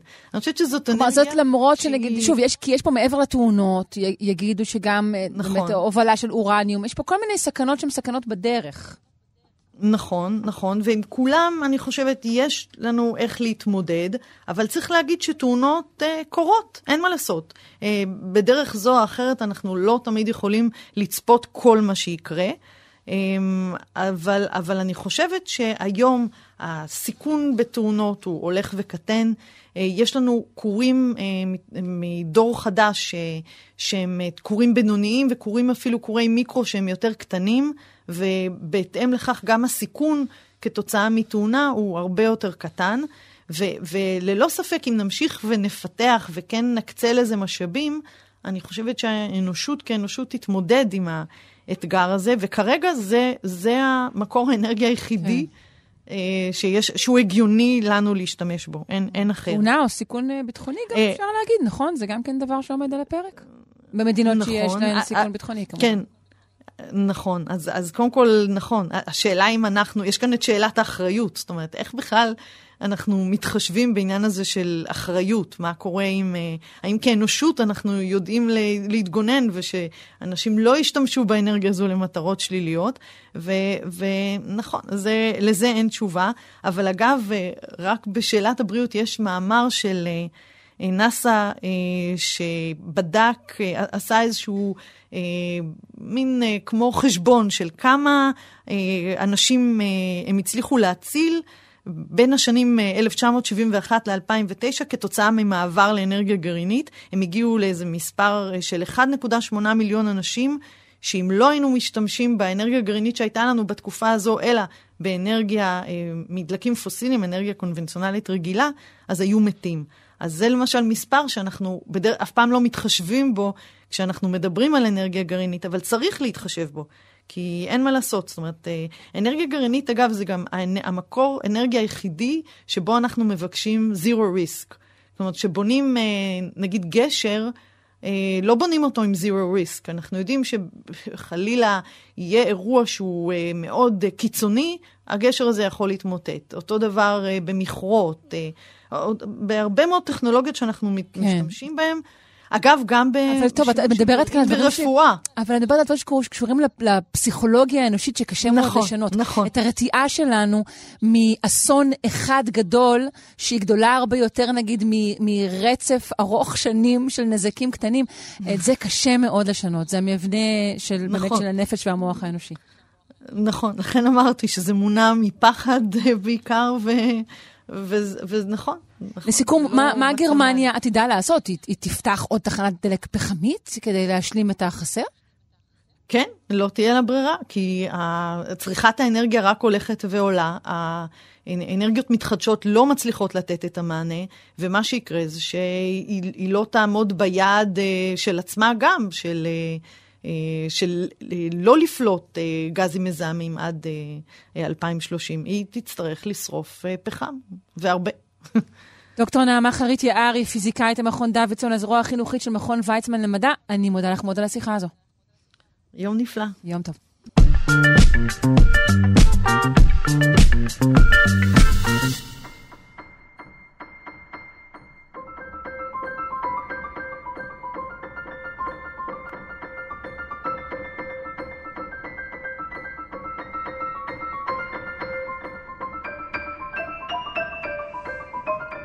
ממשיכים uh, להיכנס עמוק אל תוך היסודות בפינה היסטוריה ופילוסופיה של המדע.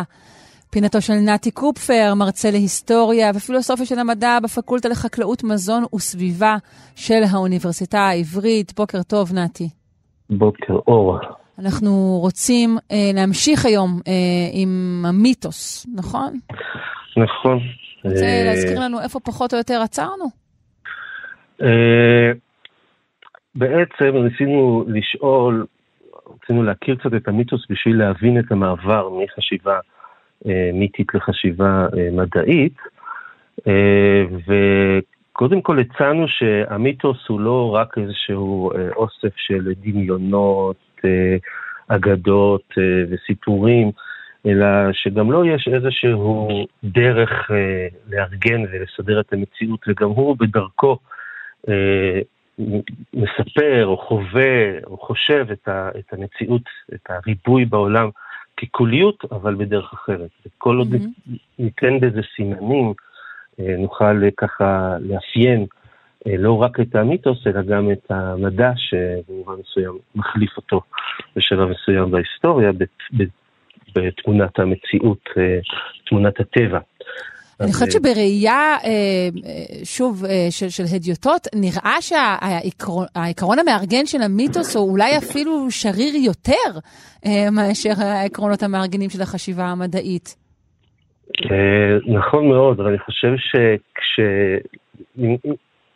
אם נרד קצת לשורש העניין, נראה שזה אפילו עומד על אותה, שריר, על אותה שרירות, על אותו על אותו הכוח, על הכוח הזה מאוד חזק, גם פסיכולוגית, גם ברמה הקוגניטיבית, באופן שבו אנחנו תמיד אה, מסתכלים על המציאות ומנסים להבין אותה, זה העיקרון הזה של הסדר.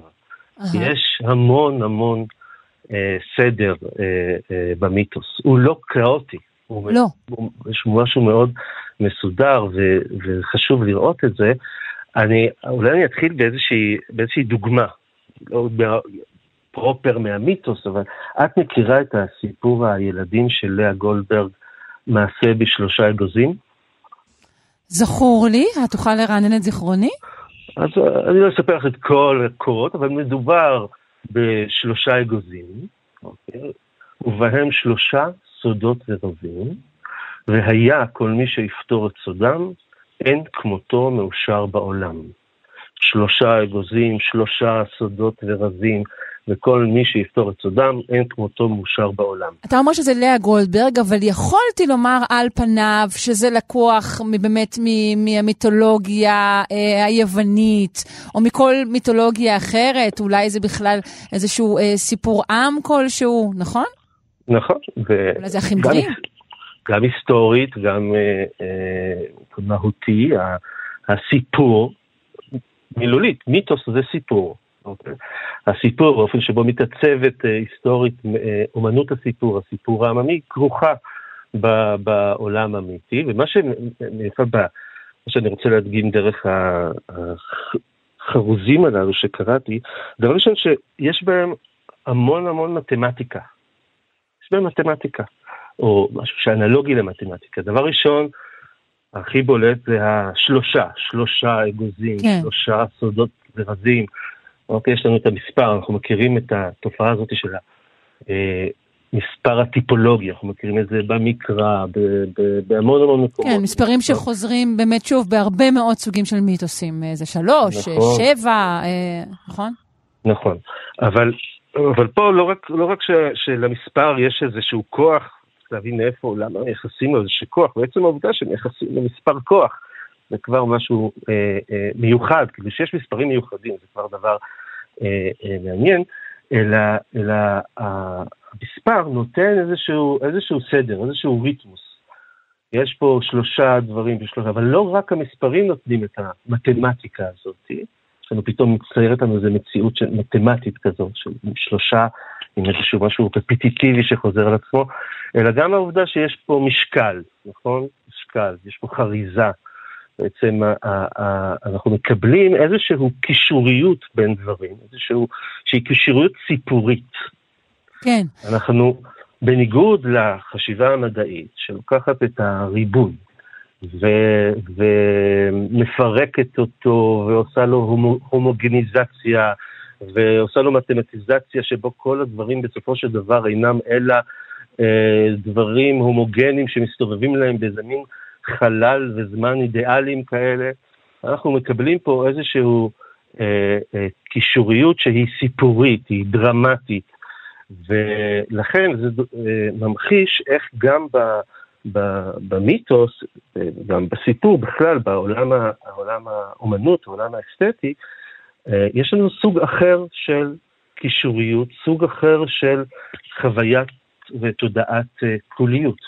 הייתי אומר שזו חוויית קוליות שהיא איננה מסבירה, זה איננו, איננו רצון, אין פה מגמה להסביר את המציאות על ידי פירוק ובנייה, יש פה איזה מין קוליות שניתנת על ידי סיפור המציאות. אה, וזה המחשה לעובדה שגם אה, במיתוס יש לנו אה, חיפוש אחר קוליות. והמספר פה, וגם. החזרה, שוב, נידרש שוב לאגוזים, שבאמת זה מייצג אולי סיפורים רבים. אז המספר והחזרה בעצם גם עושים איזשהו סדר, נכון? איזשהו היגיון פנימי בכל העסק. כן, הייתי אומר, יותר משזה נותן לנו היגיון פנימי, זה נותן לנו פשוט חוויה, פשוט חווים את זה פנימית. אנחנו, הרבה פעמים, אני למשל מקשיב לשיר ויש בו חריזה, לפעמים, נגיד בראפ או... או סתם, אה, נגיד עכשיו שמעתי את, אה, את אה, מאיר אריאל, יש לו, לא זוכר באיזה שיר, אה, כן, בטרמינל, הדמעה השקופה, השקופה, העטופה, כן. את שואלת את עצמך, למה זה כאילו, יש לזה כזה גרוב, למה זה, בסך הכל מישהו אמר פה, פה, פה, פה כמה פעמים, למה במקום לשעמם אותי, זה מרגש אותי, או זה עושה לי איזה מין תחושה, כי, כי החריזה היא, היא, היא, זה כאילו משהו חורז לי את המציאות. אצלנו הבית אומרים, אם זה מתחרז זה נכון. אה, אגב, לא מוכח מדעית בשום צורה. אז, אבל זה בדיוק, זה לא מוכח מדעית, זה ממש לא מדעי, אבל זה בדיוק עיקרון נרצה אלטרנטיבי, חלופי, אחר, לחשוב את ה... לחוות את הקוליות של המציאות ולתת לה אה, אה, אה, משמעות כ, כקוליות. ובעולם כזה, בעולם שהוא נחרז, בעולם שהקישור שלו הוא קישור סיפורי, אז אנחנו יכולים להיות באמת בעולם שבו אה, שלושה אגוזים יכולים אה, להכיל שלושה סודות ורזים. אוקיי? בגלל שאנחנו... אה, אגוזים וארזים מתחרזים. כן. אז, אה, ואנחנו יכולים, אז זה בצורת המחשה, אנחנו יכולים אה, לתת לזה דין חשבון קצת יותר מסודר ועמוק, וזה להתייחס באופן כללי אל העובדה שכל פעם שאנחנו חושבים את המציאות ומנסים לקבוע אותה, בין אם באופן יומיומי, בין אם באופן מיתולוגי ובין אם באופן מדעי, אנחנו תמיד אה, משתמשים, ב... יש לנו מסגרות שאיתן אנחנו עושים את הסדר, שבתוכן אנחנו מסדרים את הדברים, והמסגרות הללו הן החלל והזמן. למשל, זה שיש לנו, אה, אה, העולם מסודר לנו למעלה ולמטה, יש את השאול, יש את, ה, את העולם העליון, העולם התחתון, יש לנו אה, ב, ב, את הטבור, יש את, החלל הוא, הוא לא הומוגני כמו בעולם המדעי שלנו, יש לנו באמת חלל אידיאלי, הוא ריק לגמרי, הוא חד גוני, אוקיי? אין בו כלום, אוקיי? הוא משעמם, אוקיי? משעמם מוות, החלל הזה. איפה, החלל בתפיסה המדעית? מה פתאום? החלל הגיאומטרי. אה, גיאומטרי. לא כמו אוקיי. ששואלים מה יש מסתובב לנו בתוך החלל, כל השדות והגלים והדברים. החלל עצמו, אוקיי. ככה הוא משמש את המדע כמשהו מאוד מאוד הומוגני. לעומת זאת, בעולם המיתי, בחשיבה המיתי, יש חלל רע וחלל טוב, יש חלל מסוכן וחלל אה, אה, טוב, חלל אה, שצופן לנו טובות. יש חלל אסור וחלל מותר. אותו דבר לגבי הזמן. יש לנו, אה, אה, יש לנו את העבר, יש לנו את העבר הקדום, הקסום. הזמן הוא לא איזה מין ציר כזה T1, T2, T3, TN, כמו שאנחנו חושבים עליו באופן מדעי. אלא, אלא יש אה, זמנים מיוחדים. יש, לפני חודש וחצי חגגנו את פורים למשל. אז מה זה הפורים? מה זה היה הפור הזה? זה המן הרשע, הפיל פור, הוא הגורל, אוקיי? שבו הוא בעצם חיפש באיזושהי דרך את היום הנכון, המתאים, היום המתאים ביותר, על מנת שבו תצלח מלאכת השמדת העם היהודי. כלומר, יש אה, משהו בזמן עצמו שהוא הוא, הוא, אה, אה, משתנה, שונה. הייתי אומר, אם נחזור למונחים שכבר השתמשנו הם אה, אה, בפגישות הקודמות, הזמן עצמו הוא הטרוגני. כן. החלל עצמו הוא הטרוגני. ואז גם כשאנחנו מסדרים בתוך החלל והזמן ההטרוגנים הללו את המציאות, אנחנו תמיד מסדרים אותם בשימוש של מספרים, אוקיי, המספר הוא בעצם, בעולם המדעי הוא האופן שבו אנחנו מסדרים את הדברים עכשיו בתוך החלל האידיאלי, אז במיתוס אנחנו מסדרים את הדברים גם באמצעות מספרים, והפעם אלה מספרים גם, שיש להם פתאום אופי, אופי הטרוגני. כבר שלוש הוא לא דומה לאחד ולחמש, שלוש הוא משהו מיוחד, הוא, יש לו איזה ערך בפני עצמו, הוא, הוא, הוא, הוא, הוא קונקרטי כמו, כמו שהעץ לפניי הוא קונקרטי, גם המספר הוא קונקרטי, גם החלל הוא קונקרטי. כל מאוד, אנחנו חווים את המציאות, אנחנו מספרים אותה, אנחנו חווים אותה באופן קונקרטי, אה, וזה אה, מלמד אותנו, בגלל בסופו של דבר אנחנו מעוניינים פה יותר בחשיבה המדעית מאשר בחשיבה מיתולוגית, ש, שהחשיבה המדעית היא ניסיון אה, לצאת מהתפיסה הקונקרטית שלנו את המציאות, להסביר אותה אה, אה, באופן, על ידי הומוגניזציה, על ידי חלל וזמן אידיאליים, ולא להישאר כל הזמן בתחום הזה של, ה, של הדברים הקונקרטיים באופן שבו אנחנו חווים ומספרים אותם כקוליות.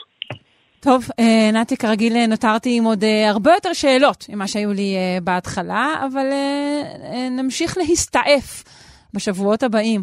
תודה רבה לך. נתי קרופר, מרצה להיסטוריה ופילוסופיה של המדע בפקולטה לחקלאות, מזון וסביבה של האוניברסיטה העברית. ביי ביי.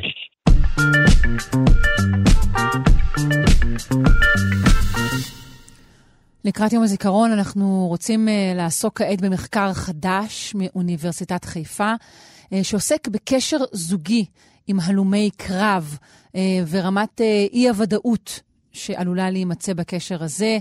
נפנה לדוקטור רועי אסטליין, הוא חבר בסגל הבכיר של בית הספר לעבודה סוציאלית באוניברסיטת חיפה, ראש התוכנית לטיפול זוגי ומשפחתי ומנהל המעבדה לחקר ההורות, הזוגיות והמשפחה באוניברסיטה. שלום.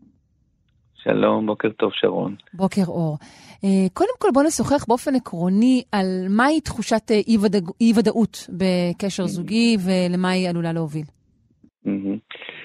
כן, אה, תחושת אי ודאות אה, בקשרים בכלל, כל קשר בין אה, אישי כרוך באיזושהי מידה של תחושה של אי ודאות, המשמעות של זה זה שבעצם כל קשר מורכב, קשר בין אישי, אנחנו מדברים על קשרים בני, בין שני אנשים, מורכב מהמפגש ביניהם ותמיד יש איזושהי מידה של אי ידיעה לגבי אה, אה, דברים שקשורים בקשר. זאת אומרת, אה, אם אנחנו מדברים במיוחד על קשרים אה, זוגיים, קשרים אינטימיים, קשרים רומנטיים, אנחנו לא יודעים בכל רגע נתון אה, מה האחר חושב, מרגיש, רוצה מהקשר.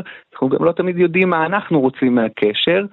ומידת אה, אי הוודאות שנוצרת על בסיס השאלות האלה אמ, היא דבר שנמצא בספרות המחקרית על, אה, על זוגיות כמשהו שיכול לייצר אי נוחות ואי נעימות. אי ודאות היית אומר שהיא נמצאת אה, במקום ההופכי אה, אה, לאמון? יש קשר, אה, כן, יש קשר ישיר בין הדברים, אם כי גם כשיש לנו אמון באחר או אמון הדדי בתוך קשר זוגי, תמיד יש סיטואציות במיוחד כשאנחנו מדברים על קשרים אה, זוגיים אה, מחייבים ומתמשכים, תמיד יש סיטואציות שמעלות ספקות. והדבר הזה, הרכיב הזה של אי הוודאות אה, בקשרים זוגיים, הוא נבדק בעבר בעיקר בהקשרים או ב... נקרא לזה בסיטואציות או אירועים של שינוי. למשל, אנחנו יודעים שאי הוודאות בקשר הזוגי עולה, מתגברת, אה, כשלזוג אה, נולד אה, ילד ראשון. ובעצם צריך להסתגל לכל מיני שינויים. הדבר נכון גם כשבהמשך, כשילדים עוזבים את הבית, מה שנקרא הקן המתרוקן, והזוג, שני בני הזוג צריכים עוד פעם להסתגל לאיזושהי זוגיות ש... שהיא אחרת, שהיא בתוך מציאות אחרת, ובתוך המציאויות המשת... המשתנות האלה, הרבה פעמים יש שאלות שעולות, ספקות שעולים, וכשיש לנו ספק שמבוסס בעצם על מה שאמרתי קודם, על אי ידיעה לגבי מה האחר אה, מרגיש כרגע, האם אני מאמין שאנחנו, אפרופו אמון, האם אני זהו. מאמין ש... מאוד מעניין מה שאתה אומר על האני. זאת אומרת שאי הוודאות נכון. היא קשורה אה, גם לספקות שיש אה, אה, לי ביני לבין עצמי. נכון מאוד, ובעצם אי הוודאות יכולה לבוא אה, או לנבוע משלושה מקורות. אחד זה באמת אה, אני, האם אני מעוניין להיות בקשר הזה? מה אני מרגיש כלפי בן או בת הזוג שלי? האם אני רוצה להמשיך להיות uh, מעורב? המקור השני זה באמת האחר, כשאנחנו לא בטוחים מה האחר מרגיש. אני מאוד, יכול להיות שאני מאוד רוצה להמשיך ו- ומאוד אוהב את בת הזוג, אבל אני לא בטוח מה היא מרגישה. יש לי ספקות לגבי uh, הדברים שהיא uh, משדרת לי וכולי, והמקור השלישי הוא לגבי הזוגיות או הקשר כיחידה שיכולה לשרוד שינויים, קשיים, זאת אומרת אני מאוד אוהב אותה, היא מאוד אוהבת אותי, אבל משהו בינינו אולי לא יוכל להחזיק מעמד לאורך זמן ואז גם יכולות, יכולים לעלות אה, ספקות ובעצם כש... שלושת המקורות האלה יכולים אה, להיות בהלימה אחד עם השני, אבל גם לא, לא בהכרח, כמו שאפשר להבין ממה שאמרתי, לכן אנחנו מחלקים בעצם את ההתבוננות עליהם אה, גם באופן נפרד. אבל ככל שיש יותר ספקות מיותר מקורות, ככה יש תחושה יותר אה, של מצוקה בתוך הקשר. כן. אה, בוא נגיע למחקר הזה, אה, שציינת שהוא בעצם ראשון מסוגו, נכון? אה, נכון, הוא ראשון מסוגו בהקשר של בחינה של קשרים זוגיים או של התבוננות על אי ודאות בקשר mm-hmm. בתוך קשרים זוגיים שבהם אחד מבני הזוג מתמודד עם הפרעת חק פוסט-טראומטי על רקע צבאי, PTSD על רקע צבאי. Mm-hmm. ובאמת חשוב לי לציין שהמחקר הזה נערך במסגרת uh, עבודת uh, תזה של סטודנטית, תלמידת מחקר לתואר שני, סיימה בינתיים, uh, חכמה ורגישה בשם עדי לביא, שפנתה אליי עם העניין שלה בזוגות שבהם יש מתמודד על רקע פוסט-טראומה, או פוסט מתמודד עם פוסט-טראומה על רקע צבאי, ורצתה להבין את הקשיים הייחודיים של זוגות כאלה. אוקיי, אתם בחנתם ו... 60 mm-hmm, זוגות הטרוסקסואליים, נכון? נכון? כשהצד הנפגע אה, היה הצד הגברי. נכון, נכון. זה היה, מאחר שזה מחקר ראשון ומחקר חלוצי ויש בו גם אלמנט אה, גישושי, זאת אומרת, אנחנו רוצים להבין ובאמת לראות שהדברים אה, קיימים בתוך אה, מסגרת של קשרים כאלה, אה, אז אה, רצינו שהמדגם יהיה כמה שיותר הומוגני ובחרנו במחקר הזה להתמקד בגברים. כמובן יש גם נשים אה, שמתמודדות עם פוסט-טראומה רקע צבאי בארץ, אבל במחקר הראשון הזה בדקנו גברים. אוקיי, okay. מה, מה העלה המחקר? המחקר העלה קודם כל שבאמת אה, אה, בקרב זוגות כאלה יש מידה גבוהה באופן יחסי לזוגות אחרים, אנחנו צריכים לתקף את זה יותר דרך השוואות, אבל אל מול הספרות הקיימת, מידה גבוהה מאוד של אי ודאות יומיומית שמאפיינת את הקשרים הזוגיים האלה, ובעצם ההשלכה המיידית של תחושת אי ודאות יומיומית, שכמובן נובעת מהמאפיינים של ההפרעה, הפרעת הדחק הפוסט-טראומטית, היא צובעת את, ה, את הקשר ב, בצבעים שהם הרבה פעמים יותר שליליים. ההשלכות המיידיות שאנחנו בדקנו הן בעצם ב, ביכולת לתחזק אינטימיות וקרבה, שזה יכול, יכולת שנפגעת בקרב זוגות כאלה, וגם אה, הישענות על דפוסי אינטראקציה בין בני הזוג, אה, שהם נוטים להיות הרבה פעמים יותר מה שקוראים בפשטות שליליים, אבל בעצם מה שזה אומר, שהם דפוסי אינטראקציה שהם מרחיקים בין בני הזוג, הם מפרידים, הם יוצרים תחושה לא נעימה.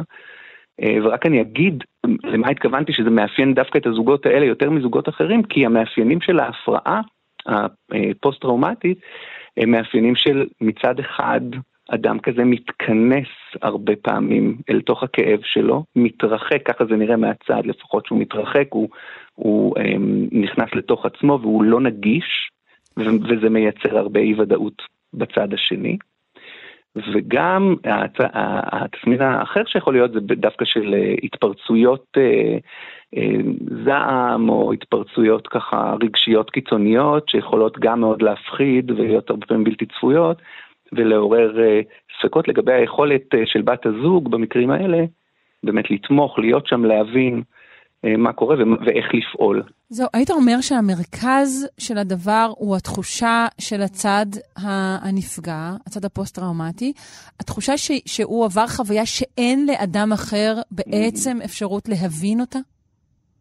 בדיוק, זה לב הדבר, זה לב הדבר. עכשיו, זה, זה, כשאני אומר לב הדבר, זה בעצם כביכול מתחיל משם, מהחוויה הזאת של אותו אדם, אבל כשאנחנו מדברים על קשרים זוגיים ובכלל על איזושהי מעטפת אה, אה, סביבתית של אנשים אחרים אה, שנמצאים סביב אותו אדם, זה גם משפיע עליהם ואיך הם מגיבים לדבר הזה ואיך הם מרגישים מול הדבר הזה. ובזוגיות, אה, אה, בקשר זוגי אה, מחייב, מתמשך, ככל שיש יותר סיטואציות שבהן אותו אדם מתמודד, אה, חווה את החוויות האלה, זה אומר שגם בת הזוג שלו חווה אה, בתדירות גבוהה את החוויות האלה, ואז נוצר איזשהו מרחב שבתוכו מתגברת אי ודאות באופן יומיומי, וכמובן יש לזה השלכות על, על שניהם.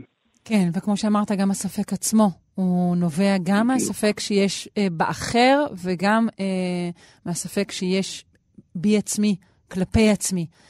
אה, עד נכון. כמה, אה, שוב, אה, עד כמה שידוע לך, המדינה אה, תומכת גם בטיפולים זוגיים אה, לאנשים שהם נפגעי הלם קרב?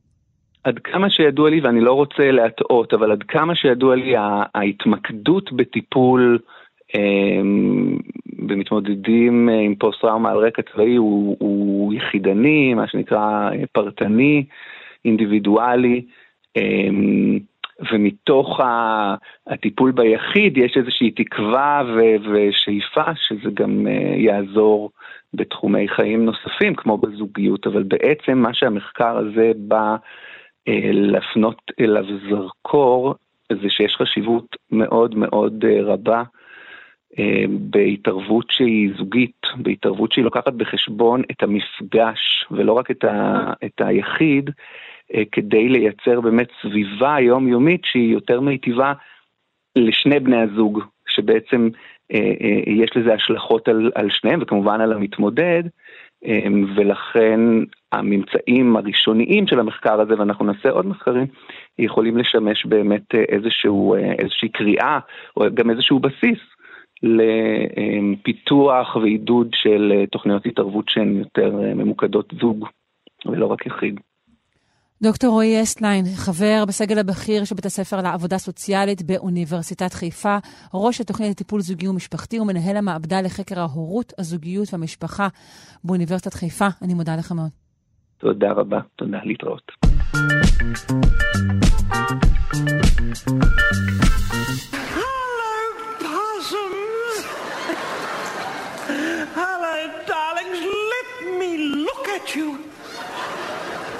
אנחנו שומעים את uh, קולו של ברי המפריז uh, כדי עם עדנה, שנפטר uh, בשבוע שעבר.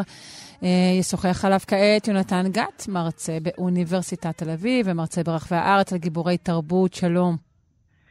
שלום שרון, כן, אנחנו באמת נפרדים מאחד הקומיקאים, אני מקווה שלא לא יחשבו שאני מגזים, אחד הכי גדולים בהיסטוריה. אתה מגזים. אני לא מגזים. אוקיי, אחד תסביר. הכי גדולים בתרבות הפופולרית, בטח בטלוויזיה. אמ, מעבר לעובדה שהבן אדם הזה היה מאוד נועז להיכנס אה, לתחפושת של אישה, למה זה אה, כזה נועז? הרי לכל האורך ההיסטורי של התיאטרון גברים אה, גילמו נשים. הדרג הוא עניין עתיק יומין. אבל זה רק החצי הראשון של המשפט. החצי השני של המשפט זה להיכנס לתוך תחפושת של אישה ולהיעלם בה לגמרי. לגמרי. Mm. הוא לא היה יוצא משם, הוא היה מתראיין כדיים עדנה, הוא כתב אוטוביוגרפיה כדיים עדנה, הוא היה מופיע בסדרות טלוויזיה, ובקרדיטים היה מופיע דיים עדנה, לא היה בכלל, ה... לא היה בכלל השם שלו. אה, למשל באלי מקביל זו דם עדה שמגלמת דמות אחרת, ואז כתוב בקרדיטים את הדמות, וואו. והשחקן היא דם עדנה. הבנתי. זה הרבה הרבה לפני, אנחנו מדברים על אה, כבר בשנות ה-60, וזה הרבה הרבה לפני אה, שפיטה ודודו פרוק, שעד היום אנשים אומרים, רגע, זה הוא באמת או לא באמת? אז ברי אמפריז עשה את זה כבר לפני המון המון שנים. מעבר לזה, המופע שלו הוא לא היה דרג, כלומר זה לא היה מופע דרג קלאסי. זה לא היה מופע שקשור למגדר בצורה כזאת של, היי, תראו, אני גבר שעכשיו עושה אישה, ובואו אני אקרוץ לכם עכשיו שאני בעצם אישה, שיהיו גבר וכדומה. הוא לא עסק בזה בכלל, הוא פשוט נעלם, נבלע לחלוטין בתוך הדמות הזאת, שהייתה איזה סוג של אה, אה, צינור להעביר מסרים שהוא לא היה יכול היה כברי אמפריז השחקן. כן. לא היה בן אדם שהיה יכול להנחית פאנצ'ליין כמונו, כמוהו. בדיוק דיברתי על זה עם חברים שלי. אני לא מכיר בן אדם אחד שהיה מצליח להוריד, להנחית פאנצ'ליין. זה הצליל, זה הטון, זה הקצב, זה המימיקה של הפרצוף, זה אפילו תנועות השפתיים שלה, אה, שהצליחה תמיד להוריד את, ה, את הפאנצ'ליין בצורה כל כך, למשל היה אירוע שהוא אה, התראיין אצל אה, מייקל פרקינסון יחד עם הלן מירן. הלן מירן באותו זמן גילמה את המלכה בסרט המפורסם על המלכה אליזבת. באיזשהו שלב אה, אה, די מדנה אומרת, את יודעת שהציעו לי את התפקיד. אז כן. אה, כולם התחילו, התחילו שם לצחקק, ואז שאלו נו ומה, ומה? אז היא אומרת, נראיתי צעירה מדי לתפקיד. אוקיי, כן, זה גם דומה קצת לתגובה שלה לסלמה הייק, אה, היה איזה דיון אה, שלכאורה הוא, היא, דיים עדנה, עלבה בהיספנים. בסלמה הייק. אוקיי. ואז היא אמרה, כן, כמובן שהציעו לי לשחק בפרידה לפנייך. כן. בנוסף לזה, כמובן פוליטיקלי אינקורקט מובהק. אה, של אה, דיים עדנה אה, בתקופה מאוד שמרנית, צריך להגיד שהוא עבר מאוסטרליה לאנגליה, שם הוא היה להיט, להיט אדיר, והפוליטיקלי אינקורקט שלו היה מאוד, מאוד חצוף, מאוד מתחת לחגורה, הומור מאוד אכזרי, ועדיין ולמרות זאת, מאוד מאוד אהוב. ובאחד הראיונות שלו הוא סיפר שהקהל רוצה לצאת איתך ללונה פארק, לרכבת הרים, והוא מוכן שתתאכזר אליו, כי הוא יודע שאתה לא תפגע בו ממש באמת. ואתה צריך לשמור על המערכת יחסים שלך עם הקהל. תשמעי, שועי עולם הגיעו אליו, מבוריס ג'ונסון וגם הנסיך צ'ארלס. הם כולם שיתפו איתו פעולה. זה, אבל השאלה היה... אם זה, אם, אתה יודע, אם הקהל הוא בעצם לא קהל מאוד מאוד אה, שמרני. השאלה אם הדמות הזאת היא, אתה יודע, למה ולמי היא עושה שירות, ושאלה שמעליה, אם בכלל היא צריכה לעשות שירות, או שמדובר, כמו שאתה אומר, בבידור טהור, בהורדת פאנצ'ים.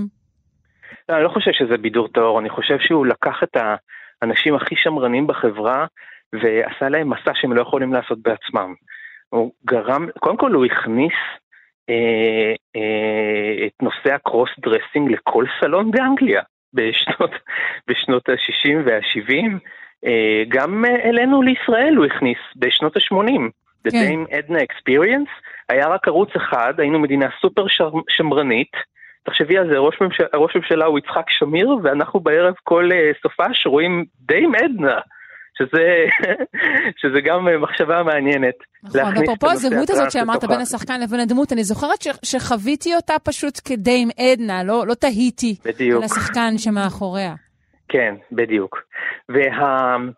וההומור וה, הזה היה אה, אה, כביכול, כביכול, כמו שוב אני אומר, כביכול פוגעני, אבל בסופו של דבר הוא די אה, אה, אה, ניסה לבדוק צוות. כל הזמן לנסות לבדוק קצוות, והאנגלים, ואני חושב גם הישראלים, אבל האנגלים במיוחד, מאוד מעריכים אה, הומור שהוא חד ושנון ומבריק, גם אם הוא פוגעני. כי תסתכלי אפילו נגיד אגתה קריסטי, אגתה קריסטי אפילו הפושע מוריד את הכובע בפני הבלש בגלל שהוא נורא מבריק.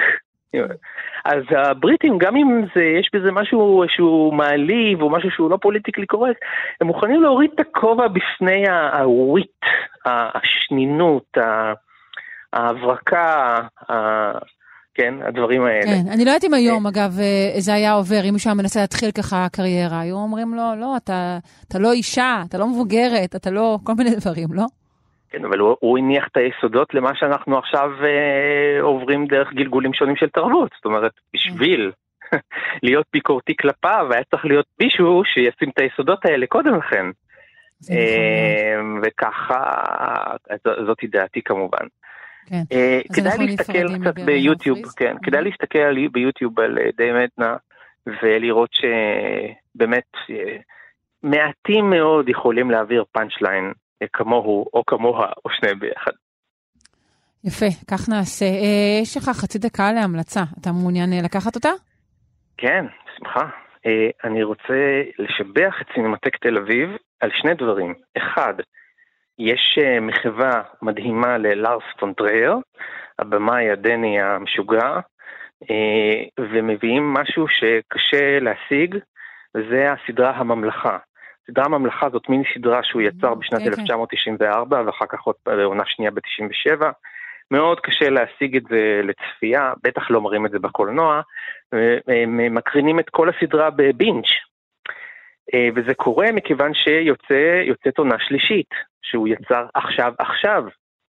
אה, ומביאים גם את זה לשם, כדאי לבדוק בסינמטק תל אביב מתי מקרינים את זה, הממלכה של לארס פון טרייר. וזה דרך אגב בשיתוף של יס, וגם הם ישדרו את זה, וכל הכבוד להם, ואני לא מקבל אחוזים. Okay. אוקיי. והדבר השני, זה אה, פסטיבל צ'ינמה איטליה שיש בסינמטק תל אביב. אני ישבתי וראיתי סרט על סרג'ו ליאונה, הבמאי של הטוב הרע והמכוער, בשתי שורות מולי יושב טרנטינו. וואו. הוא בא לצפות, הוא בא לצפות בצ'ינמה איטליה. זה פסטיבל שמארגן אותו דני מוג'ה, חברי הטוב. ויש שם סרטים נפלאים, כולל על אניו מוריקונה, המלחין האגדי שכתב את המוזיקה הנפלאה לסרטים איטלקיים רבים, אה, ועוד סרטים איטלקיים שבדרך כלל קשה למצוא בימות השנה, אז אה, לחפש בגוגל צ'ינמה איטליה, סינמטק תל אביב, שווה ביותר. נהדר. יבוזר סינמטק תל אביב בכל רחבי הארץ. אני מודה לך מאוד על הפינה הזו, יונתן גת, מרצה באוניברסיטת תל אביב, וגם מרצה בכל רחבי הארץ על גיבורי תרבות. תודה רבה. תודה, שרון. ביי ביי.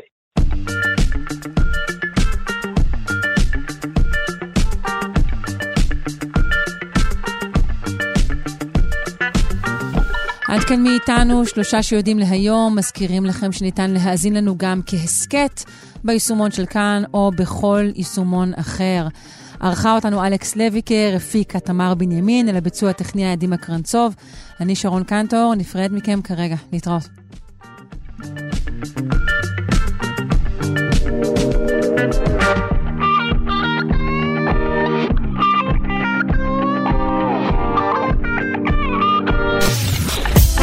אתן מאזינות ואתם מאזינים לכאן הסכתים.